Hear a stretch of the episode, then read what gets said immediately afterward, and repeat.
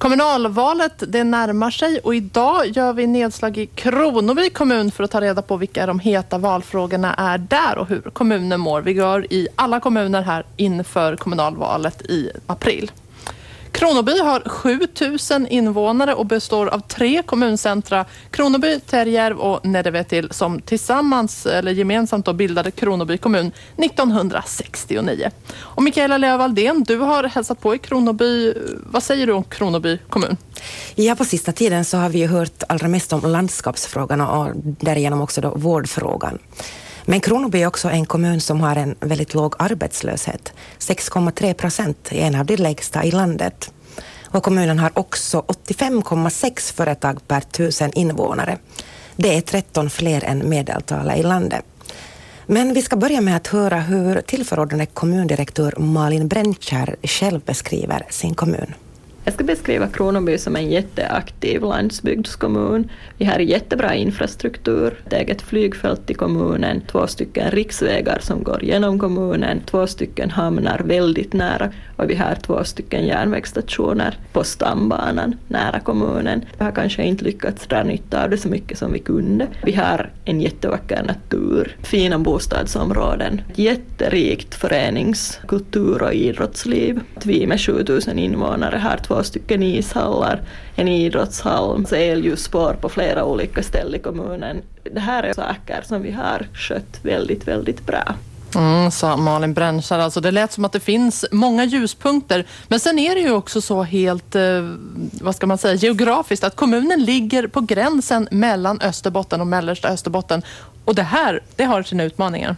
Ja, landskapsreformen har minsann rört upp känslor i Kronoby och frågan är ju då till vilket landskap man ska höra för att trygga ett fortsatt vårdsamarbete med Karleby som man har nu för närvarande och det här har fått diskussionen och känslorna att svalla.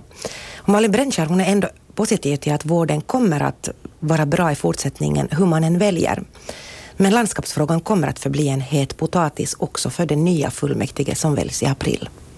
Landskapsfrågan diskuteras och jag är övertygad om att den kommer att diskuteras egentligen hela nästa fullmäktigeperiod. Det är svårt att få svar, lagstiftningen är inte färdig. Vartåt går ni? Det kan jag inte spekulera i. Alltså som det är nu så har vi ett fullmäktige beslut på att vi kommer att höra till Österbotten och att vi inte tar vidare ställning förrän vi har alla fakta. Så då måste vi ju se. Nu i februari kommer frågan att diskuteras på fullmäktige igen eftersom tio fullmäktige ledamöter har lämnat in ett yrkande om att så ska ske. Då får vi se om fullmäktige gör andra, andra linjedragningar än de, de har gjort hittills. Och i vårdfrågan så har det till och med lyfts fram förslag om att spjälka upp kommunen. Ja, Pro Kronoby jobbar för att man ska byta landskap och man har till och med talat om en folkomröstning. Nu ser det ut som om Pro Kronoby ska gå till val som en egen valmansförening och de har ju bland annat ordnat möten med, med tema, temat landskapstillhörighet. Då.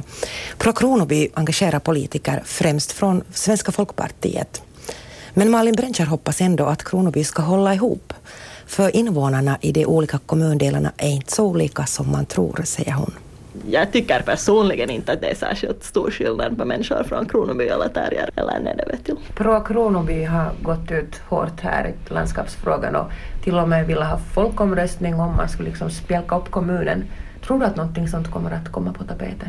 Jag hoppas att det inte gör det. Jag tycker att kommunalvalen nu kommer på en ganska bra tidpunkt och är det en bra möjlighet för folk att välja dem som de vill att ska representera invånarna. Det är lite olyckligt att vi behandlar den här frågan om och om igen. Samtidigt så förstår jag att det är en fråga som väcker mycket känslor. Mm, sa Malin Brandkärr om landskapstillhörigheten. Då. Men vilka andra frågor lyfter hon upp som viktiga val och framtidsfrågor? Ja, ekonomin är ju en utmaning och något som ofta diskuterats eller flera gånger tagits upp också i fullmäktige är skolfrågan. Idag finns det sju lågstadieskolor i kommunen och ett gemensamt högstadium. Men har man då råd med alla de här byskolorna? Frågan kommer åter att diskuteras till hösten så att skolnätet kommer att bli en fråga för den som nu väljs in i fullmäktige. Så vår ekonomi, där behöver vi definitivt göra någonting och det nästa fullmäktiges uppgift. Hur vi ska få nya inflyttare är viktigt. Vi håller på att bilda ett nytt fastighetsbolag. Äh, vi har många stora frågor på gång och därför säger jag också att, att nästa fullmäktige har en jätteviktig uppgift.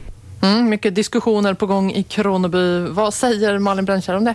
Ja, stillhet är en bygd som sjuder av liv, så lyder kommunens slogan och den finns också på hemsidan.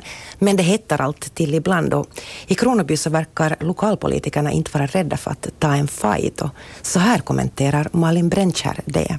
Nej, det stämmer. Och jag tycker i och för sig att det är bra att man diskuterar mycket. Vi kunde kanske vara, bli bättre på att göra det med lite större respekt för varandra. Det tror jag vi skulle ha nytta av. Eller bilden av Kronoby utåt skulle kanske bli att det är lite mindre bråk och lite mera samstämmighet och det tror jag skulle vara bra för kommunen. Men överlag så är det ju bra att diskussion förs sa Malin Brännskär som är tillförordnad kommundirektör i Kronoby.